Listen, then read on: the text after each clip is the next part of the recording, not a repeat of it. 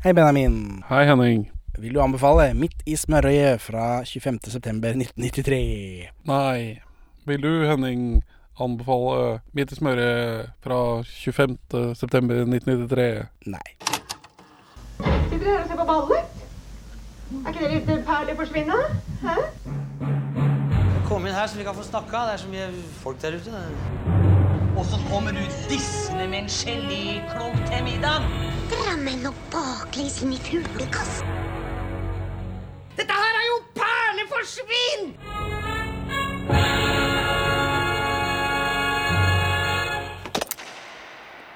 Velkommen til Perleforsvinn, podkasten for deg som opplever nostalgisvikt. Vi er to middelmådige menn i 30-åra som ser norske filmperler, og hva er vel all norsk TV samlet over ett, om ikke det er en eneste lang film. Eh, Så nå har vi da gått på en Midt i smør-episode. Denne er ønsket av en lytter, så vi hører på dere, og det er deres skyld, dette. Ja. Eh, og så sitter vi i bilen min i dag. Dette er en bilpod pga. litt logistikkutfordringer. Dette programmet er, som vi da merker, den første episoden i en ny sesong. Eh, men i NRK-spilleren så er det lagt opp etter år, ikke etter sesongene i Midt i smørøyet, som følger skoleåret. Nei, Med litt ekstra lang sommerferie. vi kan vel med her kritisere arkivarene til NRK, som ikke respekterer programmene de legger ut. Ja.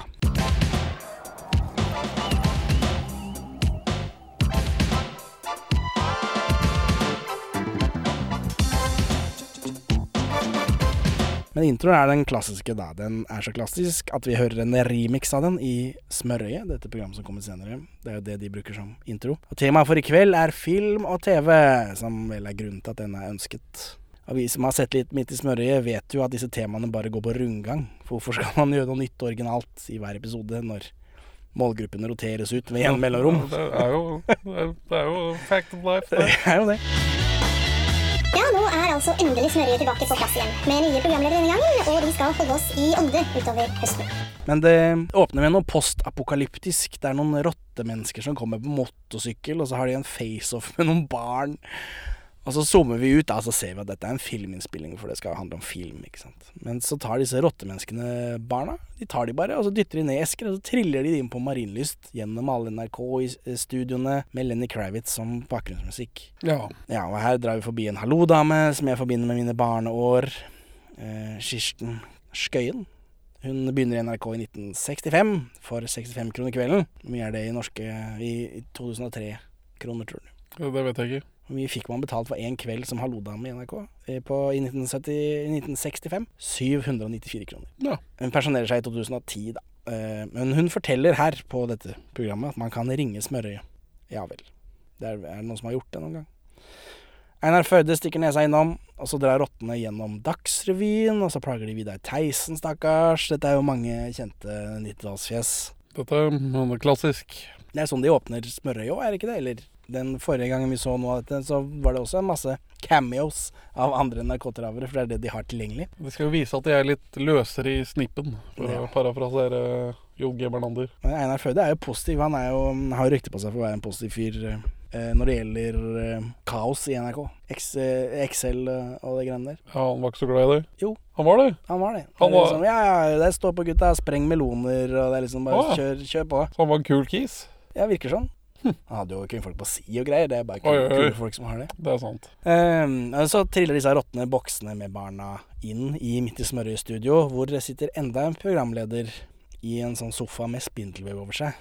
Uh, så det er tydelig at hun har sittet der hele sommeren, da.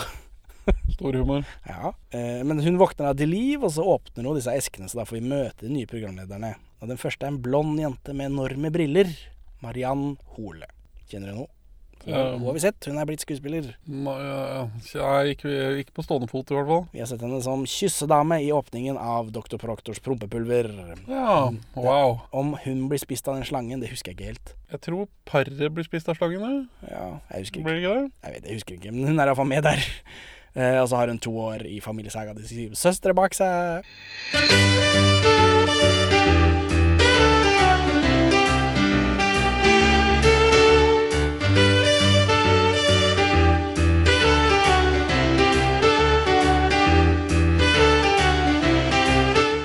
Holder på ennå, da. Det er jo teater, selvfølgelig, stort sett, og så må de spe på med, med litt film.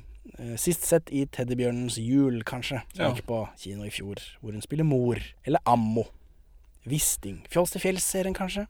Hun er med der òg. Er det der vi sist har sett henne? Vi så vel aldri serien. Nei, ikke ennå. Hun jobber, da. Det er det som er poenget mitt. Neste programleder er Rune Roland Hansen. Han har ikke fortsatt å jobbe, men han har åpen Facebook.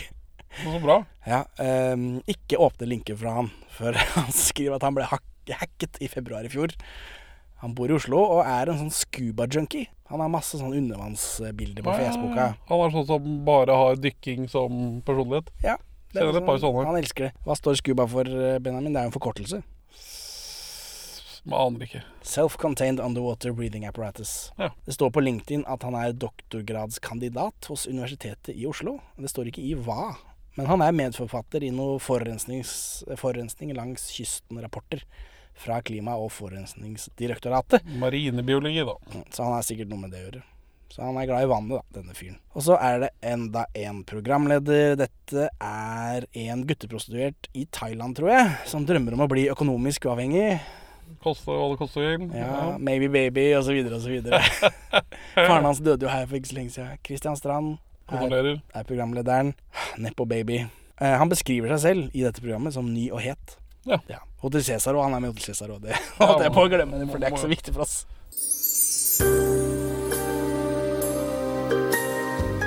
Neste er Sebjørg Elisabeth Hesla, eh, som virker å være en holdover fra forrige sesong. Nå har jo ikke vi sett forrige sesong, men det virker sånn. Hun har en doktorgrad, hun også, i narkolepsi eller noe. Ja. Og disputerte sin avhandling fenotype, patogenese og livskvalitet ved narkolepsi etter H1N1-vaksinasjon i oktober 2020. Ja, ja, så hun har forsket på de som fikk De eh, som sliter. narkolep narkolepsi etter fugleinfluensavaksinen eh, Nei, svineinfluensavaksinen i 2009. Når den vaksinen kom, husker jeg ikke, men, eh, men ja. Jeg var i militæret, så det var 2009. Så er siste programleder. Han er hentet fra 1988-sesongen av en eller annen grunn. Av Smørøyet. Her har, de, her har de gått tilbake i tid for å hente en nå eldre mann. Er det han som har hatt tidenes glow up? Kanskje? Jeg vet Han- ikke. han Han er jo blitt eh, veldig langhåra. Ja, han har blitt veldig kjekk. Oh, ja. Han er veldig guttevalp, og så er han veldig kjekk. Ja, Det har jeg ikke notert meg. Han heter John Rasmussen iallfall. Han blir sportsjournalist i Dagbladet, og som 34-åring får han diagnosen akutt leukemi. Ja. Og i 2013 så skriver Dagbladet om hans kamp, som vel er vår alles kamp, om å få tak i folk i Nav-systemet. Ja. Eh, han overlever, da, og i 2020 så fikk han pris for sine avsløringer rundt fluorsmøringens farer. Det er noe skigreier. Det, det var jo noe endring i smørereglene som er veldig vanskelig for oss eh, eh, snøapene her oppe i nord å, å takle. For det er jo bare vi som bryr oss om ski. Kong Harald var i salen. Den jeg vet du setter pris på. Jeg syns jo de bør legge ned hele dritten. I 2022 er han ute i M24 og forsvarer at Dagbladet skal dekke fotball-VM i Qatar. ja. Bu. Bu. Sånn er det. Det er det jeg har på de folka her. Denne doktoren i narkolepsi er på settet til Ti kniver i hjertet og prater med Lars Saabye Christensen. Det er det neste som skjer i, i programmet her. Nå hopper vi fra, fra biografi rett inn i programmet. nå får vi noe bakomfilm på TV. Eh, Lars Saabye Christensen har fortsatt ikke hår. Nei, han har vel noe her. Jo, men det er det samme som han alltid har, da. Ikke noe. Bare en liten sånn bøss bak der hvor det burde vært hår. Han har skalla helt så lenge jeg kan huske. Så er det noe snakket med barneskuespillerne, blant annet han ene skurken fra Burning. Så han, han Tete, han som ikke var Han som lurte på hva er dette for en fyr i den første Burningen. Og så kommer han tilbake i Burning 3, vel, og er sidekick-kamerat. De prøver seg på sånn Fast Furious-greie hvor skurkene kommer tilbake. Så vi lurte på hvor er dette kommer han fyren herfra. Han er med i Ti kniver i hjertet. De vil ikke snakke med hovedrolleinnehaver Martin Garfalk, kjent fra Hotel Cæsar.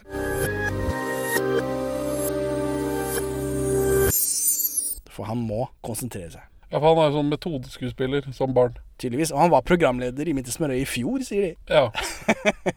Vi snakker med regissør Martin Holst, som har sin debut her. Eh, Det siste han har laget, er vel 'Kongen av Bastøy' og 'Mordene i Kongo'.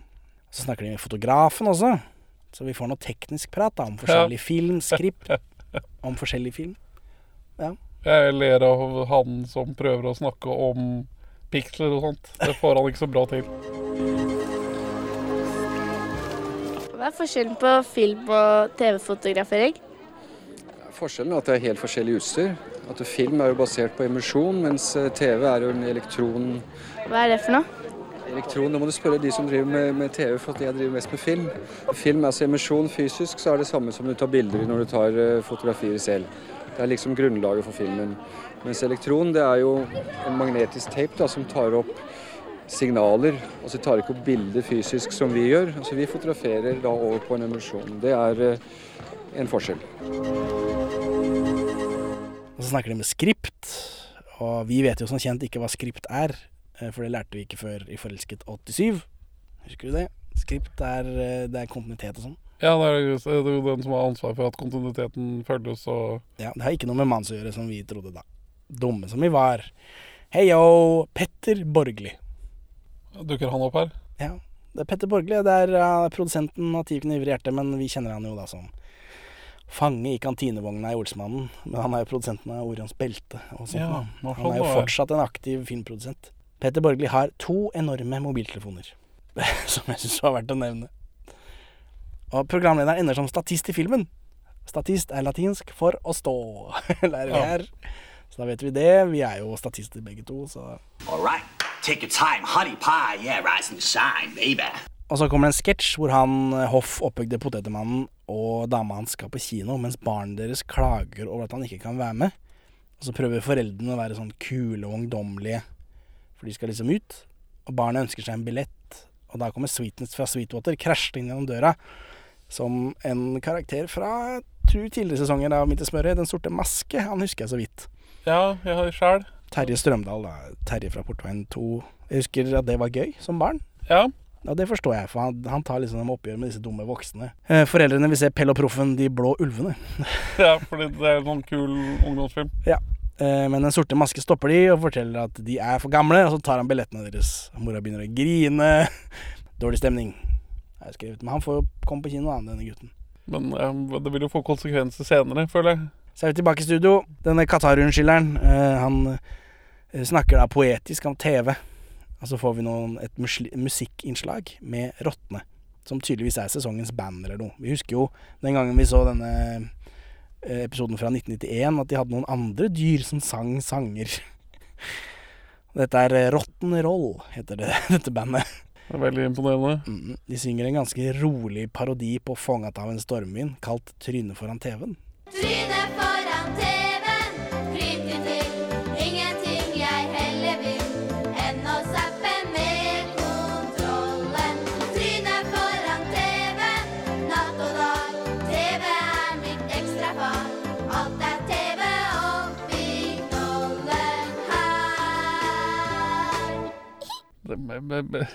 ja. Det handler om skjermavhengighet, eh, som jo er aktuelt ennå. Veldig. Det er jo en debatt som raser nå, i hvert fall i mitt hjem. Jeg vet ikke åssen det er hos dere. Jo, det, det, er en, eh, det er et sårt punkt i hverdagen. Ja. Ja, fordi vi som foreldre syns at vi vil ha ikke så mye skjerm, mens alle som er lærere syns at det vil de bestemme. Ja. Så jeg vet ikke hvem som har rett, jeg. Det må jo være meg. Antageligvis. Men disse Rock'n'Roll-bandmedlemmene eh, er Ingrid Stenstadvold. Hun kom fra Bærum, ifølge avisene på tiden. Eh, Hun har drevet med ballett i årevis, men nå, altså i 1993, er det piano og håndball det går i. Hun virker å fortsette i Smørøyet, for i 1995 så er hun Smørøyes reporter til Israel. For de har en episode fra Israel. Så det kan vi se en dag, hvis vi vil utsette oss for det. Eh, og så jobber hun i Hørselshemmedes Landsforbund, ser jeg. Og i 2006 så er hun ute i Fredrikstad Blad og klager på bråket fra byggingen, av, byggingen på Apenesfjellet. Og dette er jo før de sprenger ut parkeringshus inni der, så lykke til med det bråket, da. Eh, og nå er hun generalsekretær i Kreftforeningen. Husk å ta celleprøver. Det er anbefalingen fra podkasten Palforsvin. Ja, men så kjenne på testiklene er unødig. Det har jeg ikke tenkt noe over. Kjenner, hvis det er noe gærent der, så mye som jeg kjenner på testiklene mine, så vil jeg finne ut av det. Det er nettopp det. Altså, øh, visse foreninger og helsemyndigheter er ute og oppfordrer om at man burde ta og sjekke testiklene sine annenhver uke eller en gang i måneden. Ta seg en god runde i dusjen og bare tafse på ballene sine. Men forskningen tilsier at det har ikke noe å si. Fordi altså, testiklene er jo såpass ømfintlige at hvis det er noe muffens med de, så merker du det veldig fort. Så det er ikke noe vits å aktivt drive og oppsøke ballene sine. Så det er på podcasten om vi skal ha et celleprøvestandpunkt, så vil jeg også ha et ikke Balleprøvestandpunkt. ikke tafs av helsemessige årsaker på ballene dine. Gjør det kun for egen glede. Ja. Så, men denne Ingrid Stenstadvold har jo da gjort en reise fra Bærum til Fredrikstad. Det er jo Ikke verst. Og så er det en jente som heter Isatui Eide Yamma fra Holmlia. Hun er glad i sang og dans, og hun spiller basketball og fotball, fant jeg i en artikkel fra tidspunktet. Hennes navn og alle mulige versjoner av det jeg kommer på, dukker bare opp i forbindelse med dette, så for alt jeg vet, så døde hun i en midt i smøret-basert ulykke. Som er husjet ned. Ja. Så det er ikke noe mer. Det er bare dette hun er med i. Det er rart at hun bare blir borte fra jordens overflate, men øh, og, og med et sånt navn, du skulle jo tro det gikk an å liksom finne noe. Ja, men det, det kan jo være at navnet øh, har blitt stavet feil Ja, det, i denne det sammenhengen. Jeg sjekka, ja, men jeg sjekka alle mulige rare Men jeg har gjort det så feil jeg bare kan for å imitere en uh, journalist, men uh, fant ikke noe. Og så er det Kalina Tonef fra Kolbotn. Hun spiller tverrfløyte og er glad i å danse på tidspunktet. Før dette, i 1992, så lager Østlands Blad en profil på henne fordi hun liker å samle på ting. Og det kan vi vel stå inne for. Det gjør vi jo. Noe må man jo fylle sidene med også, da, i disse avisene. Så da, et barn som samler på ting, det må være lov. Uh, dette er en spalte som heter Rommet mitt i barnesidene i disse avisene. Så tenk på det, så I gamle dager så hadde de altså aviser med barnesider i. Uh, hun samler på bamser, skjell, såper, viskelær, servietter, ispinner, korker, garnnøster og autografer. Oi! Så her har vi enda en ting til felles, om ikke Samle på skrot og au- autografer. Og glad i å danse. Og glad i å danse. Ja, så det er vi tre ting har vi til felles. Eh, jeg lurer på hvem hun har av Ja, autografer. det Hun og jeg bør være venner. Jeg burde søke henne på Facebook, da. Ja, se om jeg finner henne. Eh, Hun syns det er også at det er kult å henge opp masse småting overalt, i tak og vegger. Så jeg vet ikke. Du kjenner deg igjen, kanskje? Ja, litt. Eh, Men du, Benjamin, vil vel kanskje heller henge med lillebroren hennes, Ivo, som har kassettspiller og romskip i Lego, står det i denne. Det, det er noe sterkere overlapp der, kanskje. Ja. Jeg har eh, en og annen autograf, altså. Jeg har det. Ja, ja, ja. Men uh, kassettspiller ble dratt fram i denne artikkelen at broren hennes hadde vært eh, kassettspiller og romskip i Lego. Eh, I 1993, som jo er når dette programmet kommer, så er det enda en profil på henne hvor det står at hun spiller jålerotta Donna. Så disse rottene har tydeligvis personligheter, okay. da, litt som Spice Girls. Kanskje det kommer frem i andre episoder øh, Jeg vet ikke, jeg klarte ikke å finne hva de andre skulle være. Nei? Kom de på plate, dette? Nei, jeg regner ikke med det. Det er bare husbandet i Midt i smørøyet. Samme som når vi så dette i 1991. Disse Supper-folka. Eller var det noe dyr, det òg? De The Animals heter det vel. sommerturné? Nei, jeg vet ikke. Jeg aner ikke. Det er bare fordi de trenger musikkinnslag, og da er det greit å ha et husband. Hun er, også klassevenninne med Mariann Hole, som er programleder her. Så, og i 1994 så er det MC-treff på Sagvollen, og her blir hun beskrevet i avisa som en eksosrype. Så hun er 13. Det er et visst humoristisk snitt i notisen. Ok. Det, nå sitter jeg her og tar ting ut av, samme, ut av kontekst. I 1996 så deltar hun i rollespillet Barn på flukt, hvor to åttendeklasser fra Oppegård rollespiller å være på flukt. Eh, Og dette er det en episode om i Midt i smørøyet, for det har jeg sett. Ja, dette, men dette er det også episoder av i Supernytt òg, så dette er De holder på med det ennå. ja, ja, ja. Dette er en greie å eh, leke, få barn til å leke flyktninger. For dette rollespillet går ut på at NFF, Norrøn frigjøringsfront, Oi. okkuperer de største norske byene. Eh, Så nå må åttendeklassinger på- ut på flukt. Her treffer de hei- heimevernssoldater, menneskesmuglere, svartebørshaier, politi, byråkrater osv. Omtrent uten mat og søvn. Og til slutt da så var det bare åtte av de 50 elevene som fikk asyl. For de skal liksom lære noe av dette, da. Det er jo hardt å være på flukt. Så kjøper liksom egg og kjøtt av disse svartebørshandlerne. bare- Dette er i regi av Norges Røde Kors, så jeg vet ikke. Samme år så konfirmerer hun seg borgerlig. Nå driver hun Mora Di, et firma som jobber med visuell kommunikasjon og digital utvikling, både for offentlig og privat sektor. Ja. Mora Di. Nettsiden sier om henne Kalina har bakgrunn som grafiker fra Kunstakademiet, men har jobbet som webutvikler i 17 år. Blant annet som frontend-utvikler og designer i Kvasir, og som frontend-utvikler i ABC Nyheters Se denne. Kalina har i tillegg kompetanse på universell utforming, SEO, brukeropplevelse og interaksjonsdesign, og jobber også med illustrasjon. Ja. Jeg vet ikke om vi har en eh, webdesigner i, nærheten her som kan forklare meg er dette bra. Det høres helt greit ut, men, men både ABC startsiden og Kvasir var vel eid av de samme. Så det er en uh, for, forskjellig stilling hos samme arbeidsgiver. Ja, men det, er, men det er vel type Det er jo eh, eksempler på jobber hun har gjort. Da. Altså, Ja. Se på denne siden, og se på denne siden. Dette har jeg gjort. Jeg mener at Kvasir var ganske leading edge i en periode, i hvert fall. Eh, Men fortsett dette bandet, da. Det er en fyr til. Det er William Flatmo. Han går på Uranienborg skole og samler på frimerker. Synger i Sølvguttene og står slalåm. Han er i dag eier av et vinfirma og daglig leder i Christian Sveås kunststiftelse, som er det han gjør mest i media.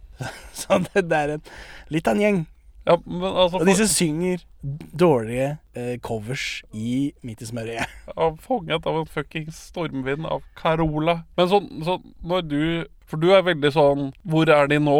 I din nostalgi. Ja. Eller det, jeg lurer på hvor, hva er dette for noen folk, da? Hvor Ja. blir det av dem, liksom? Du prøver å avkle 90-tallets Ja, eller sånn som når vi så denne sist, da. Hvor vi så uh, Smørøyet når de var på denne skolen hvor alle er sånn BI-folk. Det syns jeg var veldig interessant. Ja, det, det sier jo noe om samfunnet både da og nå. Ja, så, Men jeg lurer på hvor det blir av disse folka. For de var jo her. Her. De er personer, masse forskjellige personer. De er forskjellige tråder fra forskjellige steder. Dvs. Si de er alle fra Oslo-området. og så går deres liv De møtes i en veldig sånn offentlig greie. Ting som alle kan se på TV. Og så sprer de seg igjen. Så lurer jeg på hvor langt sprer de seg? Hva skjer? Hvordan påvirket denne karrieren som rottesynger eh, på 90-tallet resten av livet deres? Ja. Ikke så mye, Nei. er vel svaret. For her er det jo liksom Det er generalsekretærer, og det er vineiere, og, og, og webdesignere, eller hva faen det var for noe. Neimen, det er jo Brødrene Dal! Brødrene Dal! Men tilbake i studio, da, etter denne litt kjipe sangen. Eh, Så snubler programlederbarna inn i en kuliss eh, som jeg kjenner igjen, i hvert fall. Jeg vet ikke åssen det er med, med deg. Det er Brødrene Dal og at legenden om Jo, Atlantis. jo, dette kjenner jeg igjen, ja. Yes, de der eh, Imsdal-flaskene de har forma til en isbre der sånn. Den kjenner jeg igjen. Jeg, syns jeg, jeg syns Jeg syns øh, Jeg, jeg Syns det greit ut? Jeg syns det ser greit ut. Ja. Disse barna blir kasta ut av setet, da. Eh, Barna kommer opp i kontrollrommet i regien, hvor Kalle Fürst forklarer hvordan regi fungerer. Og så ser barna at det er Brødrene Dal, for dette er hemmelig, da. Eller denne serien har ikke kommet ennå, det er bare jeg som husker det fra barndommen. Når de ser det er Brødrene Dal, så løper de ned, og den magiske Brødrene Dal-musikken setter inn. Eh, og så får vi se de spille en scene. Brødrene Dal, da. Og så driver Lars Mjøen og klovner foran kamera. Jeg kjøper det ikke. Nei. Du er ikke glad. Du er ikke en glad mann. Kanskje han var en glad mann på 90-tallet? Nei, jeg jeg når jeg ser han i en ny kontekst, så syns jeg det begynner å Grinebiter-greia begynner å Ja, Jeg syns i De- måten han agerer i møte med barn her. De er jo litt De begynner å bli gamle. Dette er jo på 90-tallet, liksom. De er jo ferdig med den unge og spreke delen av karrieren sin. Det er ikke helt det derre flyhumorprogrammet de hadde ennå. Eh, Boing boing? Nei, var det det? Nei, Luftens helter var det. Luftens helter, ja. Luftens helter. Boing boing er teater. Sånn, de er ikke helt døde ennå. Eh, Så får vi se Brødrene Dal spise lunsj, og så blir de intervjuet samtidig. Eh, Det er rart at Lars Mjøen vil snakke med disse barna. Eh, Han, han vil jo helst ikke ha noe med folk å gjøre som tar kontakt ut av, ut av det blå. Og spesielt den litt den genetisk mindreverdige Christian Strand, at han vil snakke med han. Det Dette er jo Det er ikke jeg som sier dette, det er jo Lars Mjøens bestefar som mener at han er genetisk mindreverdig. Ja. Så prøver de seg på litt humor, men dette er et intervju ute av karakter. Ja, Ja. men de driver fortsatt med ordspill, eh, utviklingsutfordret humor. Ja, for de er jo på, selv Ja, de er ute av Brødrene Dal-karakter. Men de sier at det er en jobb, og det kan være vanskelig, at det er mye å gjøre. Det er mye folk som liksom de holder i arbeid, sier de. Men sånn som han eh, ah, Fuck, hva heter han fra Kalakoa? Nå husker jeg ikke. Det er Lars Mjøen, så er det Trond Kirkevåg, og så er det han siste. Lystad. Han er jo litt mer sånn nedpå-type, virker det som. Han er den mest vanlige av de. Ja, han er ikke så interessert i å være morsom. så liksom Han forteller hvordan det er. Og så driver Trond Kirkevåg klarer ikke å skru det av. Han må være morsom hele tiden, når kameraet er på i hvert fall, om ikke, ikke av også. Han er som faren sin. Han er hyggelig så lenge kameraet er på. Så er det Lars Mjøen, da, som bare er Lars Mjøen. Er det morsomt å spille i Brødrene? Ja, det, stort sett så er det det. Den var vanskelig. Ja, nei. Ja. men det, er litt vanskelig av og til òg. Det er slit også. Det er jo en jobb som alle andre folk tror at å, nå har de moro, det er bare leker hele dagen. Men dere har jo vært og sett litt her, og da ser dere hvor lang tid det tar å gjøre bare en enkel ting, liksom, som kanskje tar et halvt minutt. Så bruker vi kanskje en time på å gjøre det. Også så, så er mange mennesker også. som skal til for å gjøre det. Det er jo 40 mennesker minst, tror jeg, her i studio i dag. Så er det noen folk på gata intervjuer, og de spør hva er det teiteste du, teiteste du vet. Ja. EF, punker, eh, en kamerat som ble hengt ut på TV, teite gutter. Eh, og så går vi sømløst over i en sketsj.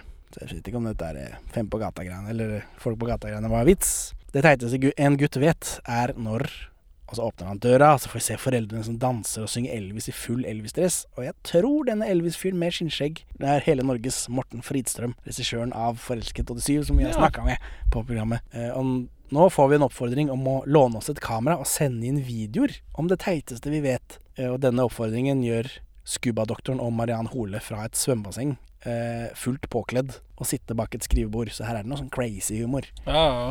Gøy for barna. Men, det, men nå har ikke vi sett videre denne sesongen, men nå var det sånn Er dette America's Funniest Videos? Så var det sånn vi, vi ungdommer i Norge gikk rundt og tok opp ting på sånn VHS-spiller som man har VHS-kamera man har over skulderen, begynte, og så sendte de inn til NRK. Det begynte vel å komme da, men jeg vet ikke i hvilken grad eh, NRK fikk utnyttet de mulighetene. Det må jo Jeg vet ikke, det er veldig spennende i hvert fall. Men de sier jo at du også kan sende inn bilder eller tegninger. Jo, men det er ikke helt det samme. Det er ikke helt det samme. Det er ikke helt det samme. Men camcorderen blir jo allemannseie rundt dette tidspunktet. Og fra studio så beklager de at det ikke blir noen serie før neste uke, for i Smørøyet så er det jo en serie, stort sett. Eh, Men vi skal se filmklipp, sier de. Og først ut er et klipp fra en amerikansk kjærlighetsserie, sier de. Men det er det ikke.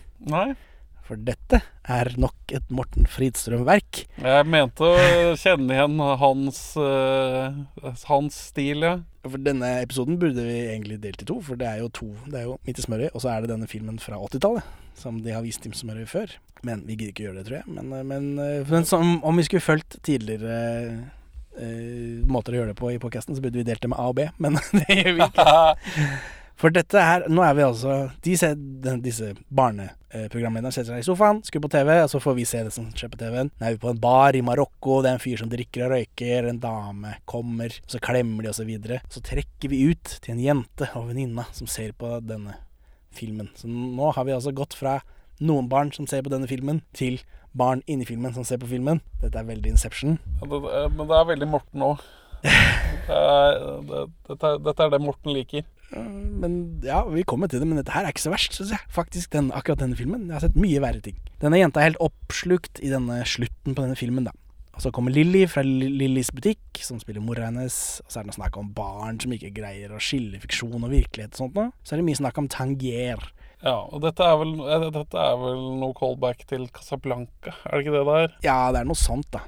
Det men, for, men, men når dette begynner, så vet ikke jeg at dette er ehm, hva, hva faen heter den, da? Kyss i Tanger, Siste kyss i Tanger, et eller annet sånt. Da. Jeg husker ikke hva den heter i farta. Ja.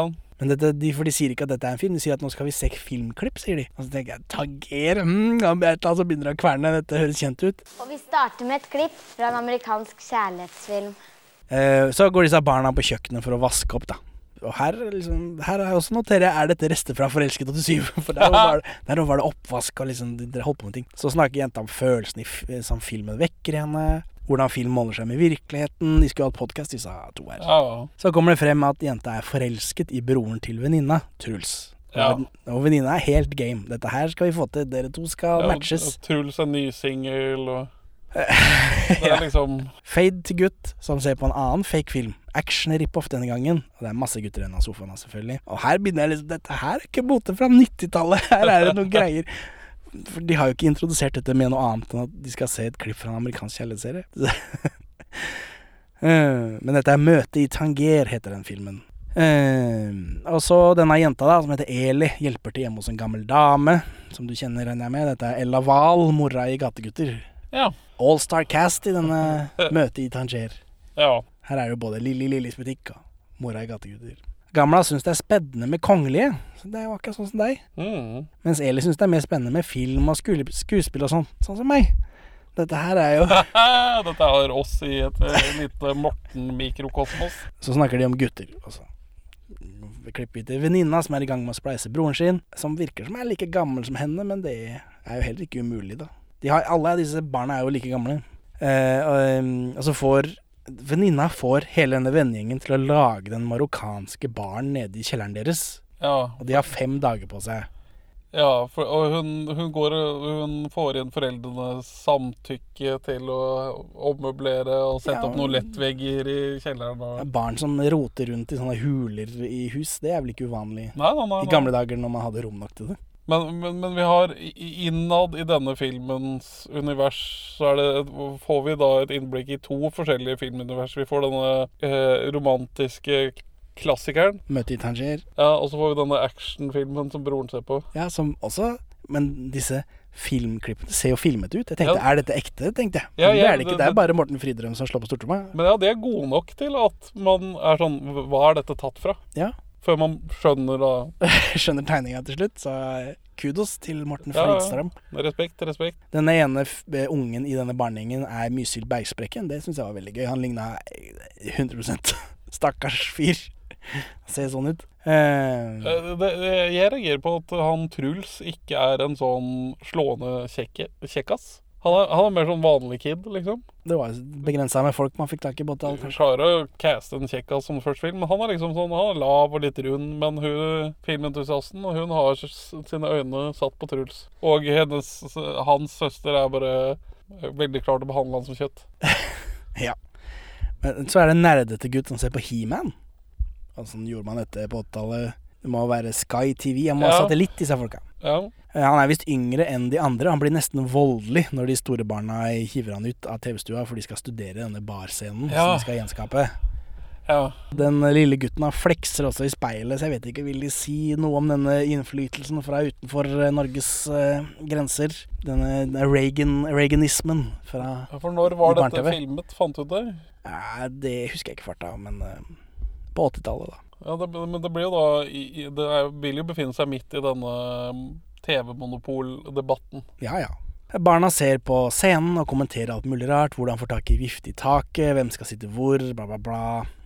Og så sitter de rundt et bord og planlegger rekvisitter og sånt, noe. dette tar for lang tid, altså. Ja. det tar for lang tid. Altså, keep it snappy, Morten. Driv det fremover. Eli jobber hos Ella Wahl, de snakker om gutter fortsatt. Eli mener at det er kleinere med virkelighet enn på film. Ikke er det musikk til heller. Og Ella Wahl sier at Falcon Crest og dynastiet er fra virkeligheten. Jaggu. Brått klipp til Ellen Horn, som kjefter på Truls. Jøssenammen. Ja. Eh, Det er ikke lov å kaste ut barn som ser på He-Man, sier Ellen Horn. Nei, nei, men altså det, Jeg har jo barn i He-Man-alder. I, i, I konkurrerende alder. Altså hvor de Altså kan ha lyst til å bruke samme ting samtidig. Men til forskjellige ting.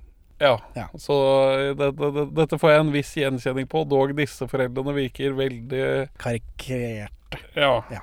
Og så har de funnet denne slåssefilmen, foreldrene, da, som ikke er bra. ja og, og dere... Får du gjenkjenning her, du som har vokst opp med VHS-spiller? Eh, nei, mutter'n var heldigvis eh, eh, lite hands on på akkurat det. Heldigvis. Se på meg nå. Eh, Du sitter der i bilen og svetter og spiller podcast. Men jeg hadde kompiser som, var, eh, som hadde foreldre som var sånn, hadde sånn helt sånn abstrakt strenge regler på og bare sånn Nei, action, det går ikke. Det må du, bli, det må du vente til du er 18. Det er liksom sånn eh, totalt urealistisk strengt regime på det. Jeg husker mutter'n ville ikke at jeg skulle se på Transformers og Power Rangers, men da var jeg også før jeg begynte på skolen, tror jeg. Ja, Disse foreldrene er veldig bekymret over hva han får ut av sånne filmer. Hvorfor vil du se på sånn action, Hvorfor liksom banker og dreper hverandre? Hva får du ut av dette? Og så syns de også at det er grusomt at han drar sånt inn i hjemmet deres. Ja, Som om han liksom har krenket hele, hele, Hele familiens familiens mor moral og ære Ja. ved å dra i en actionfilm. Eh, Og jeg hadde til gjengjeld, når jeg først flytta til Østlandet så det, Da gikk jeg siste halvåret av tredje klasse eller noe. Og da, naboen jeg fikk da, som gikk i parallellklassen min, han hadde totalt frislipp. Så vi det så var det Video Nasties over en lav sko. ja, ja, det var bare helt Altså ikke porno, da, men grov, grov, grov vold. Jo, men Video Nasties er jo Det er Evil Dead og sånt. nå. Det er et uttrykk fra Storbritannia, Ah, oh ja. hvor de var veldig Skjønner, sånn til å forby ting. Det ble litt meget igjen. Ja, jeg og om en kamerat er å ta i, men en som jeg gikk i klasse med, han var sånn for, forsømt barn, hvor mora var på jobb og faren var død, og han bare var hjemme og satte fyr på ting og smelte kinaputter. Ja, klassisk type det. Og spilte øh, øh, Resident Evil og sånt nå på PlayStation 1. Ja, jeg, jeg, jeg tror jeg gikk i klasse med han her, jeg òg. Eh, Men i denne filmen, da, med i eh, Midt i smørøyet, i møtet i Tanger i Midt i smørøyet, så driver Truls og hallusinerer at han er med i den actionfilmen. Så dette er jo et grep. Formatet på filmen endrer seg. Kunst, Benjamin. Ja, ja, film er et visuelt medium. Venninna og Eli snakker. Venninna jobber fortsatt med den spleisingen. Eli har bursdag i morgen, og presangen må hun få hjemme hos venninna. Barna bygger settet og timer scenen til musikk, så her liksom lager de film, holdt jeg på å si. Ja. Dette er jo er kunst. Dagen etter så kommer Eli, og alle lever ut scenen. Det er klemming og sånt nå, sånn som i denne filmen, da. Og så klapper alle. Freeze frame. Og så er det 1986, dette. Ja. Vi fant nemlig denne her på rommet ditt. Hvor har du fått denne fra? Har lånt den av Gunnar i klassen. En av betingelsene vi satt da vi kjøpte videomaskinen, var at det ikke skulle komme slike filmer inn i huset. Ja, Men gutta ville så gjerne se den. Ja, Men det er ingen unnskyldning at ikke de andre har video. Du får ikke lov til å bruke den maskinen til å se på sånn som dette her. Så mye for like rettigheter. Hva sa du? Ingenting. Nå har vi sett på denne her. Truls, jeg fatter ikke hvilken glede du kan ha av å se på noe slikt. Dere, jeg er nødt til å gå. Jeg skal treffe de andre. Ikke før vi er ferdige, takk. At du kan ha At du kan få noe ut av å se på dette her, det bekymrer oss dypt. At du drar det inn i vårt hjem etter at vi har prøvd å oppdra deg etter beste evne. At du svikter oss. Eh, og så er vi tilbake i studio. Mariann Hole griner fordi det var så vakkert. Og så blir det avbrutt av en flyvende kiste. Og så får vi Dragnet-theme, som jo er Brødrene Dal, det. Eh, og så sprenger NRK-huset. og Så er det en rotte som vinker ha det. Ja. Slutt. Det var en enklere tid. Det var det. Av folk vi møter i møte i Tanger, da, så kan jeg melde at Eli er leder ved Stoppestedet kulturhus på Ullerud på Ullern. Hvor det er gamlinger på dagtid og ungdomsklubb på kveldtid. I to- to- 2010 så hadde de skumparty. Fancy. Eh, Men hun er også med i noen Hva med venner-filmer. 'Drømmeslottet', 'Bryllupsfesten', 'Lucky', sånt noe. Venninna selger ting på Tise til hun- 1200 kroner for en håndsydd kimono, f.eks. Oi, det er ganske billig for håndsydd kimono. Jeg vet ikke. Myse i Bergsprekken er den med lengst Wikipedia-side av noen av disse. Oi. Eh, og det er ikke bare fordi at han er barnebarnet til Arve Oppsal. Oi, oi. Han heter Jan Aksel Oppsal Odden. Men han er kvinnefotballtrener, og det er Wikipedia tydeligvis veldig opptatt av. Sykelig opptatt av, spør du meg. Det, altså, i, i, Wikipedia er avhengig av folk med autisme som er interessert i enten film eller sport, for å skrive lengre artikler. Han som spiller Truls, er motorsykkelmann og rocke-keyboardist i det norske power metal-bandet Highland Glory.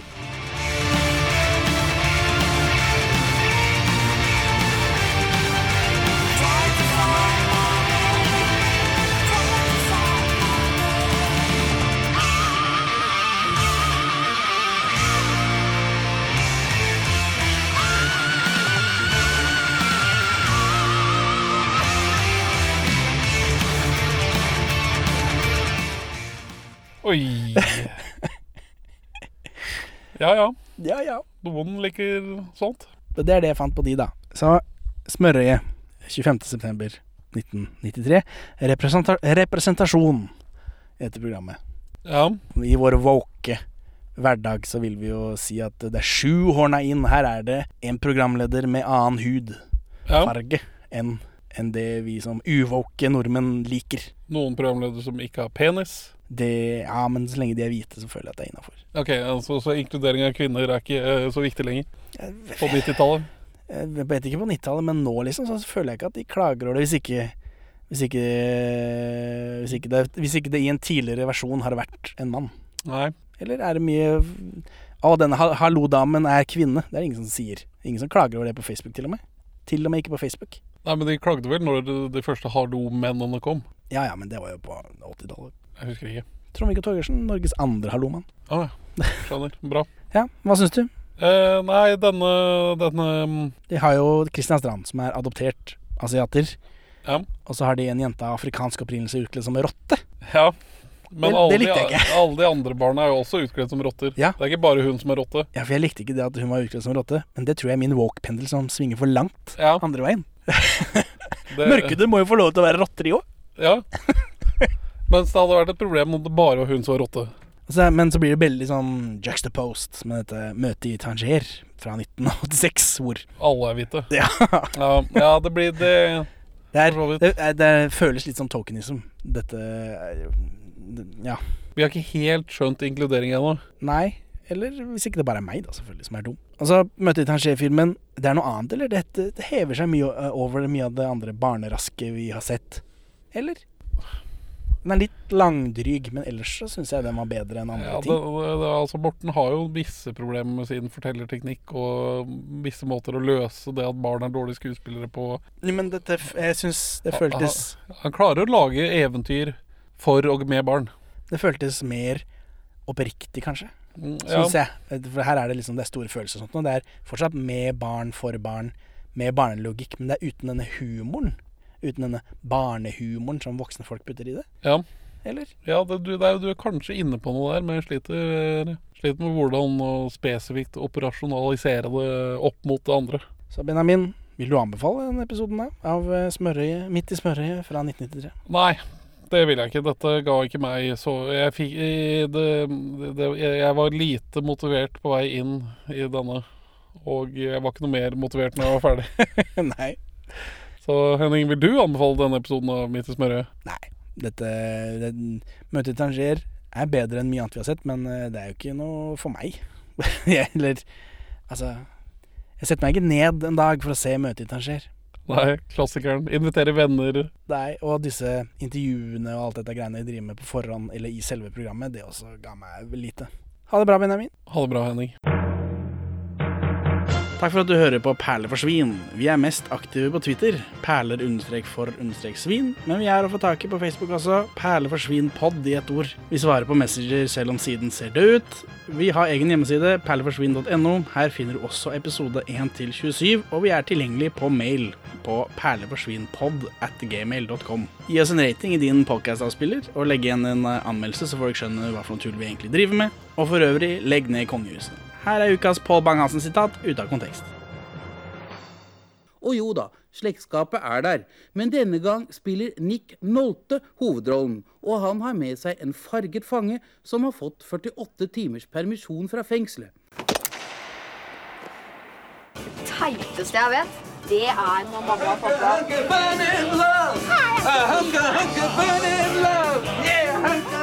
Men, altså, hvis, men eh, får du lyst til å kjøpe smørøye på DVD og få disse til å signere det? Nei. Sende den på runde i Ikke nevneverdig. Men Christian Strand han står på lista mi. Han må jeg få tak i. Han har verdens mest generiske navn, så det er ikke så lett. Det er ganske mange Christian Strander i Oslo-området. Det tror jeg på.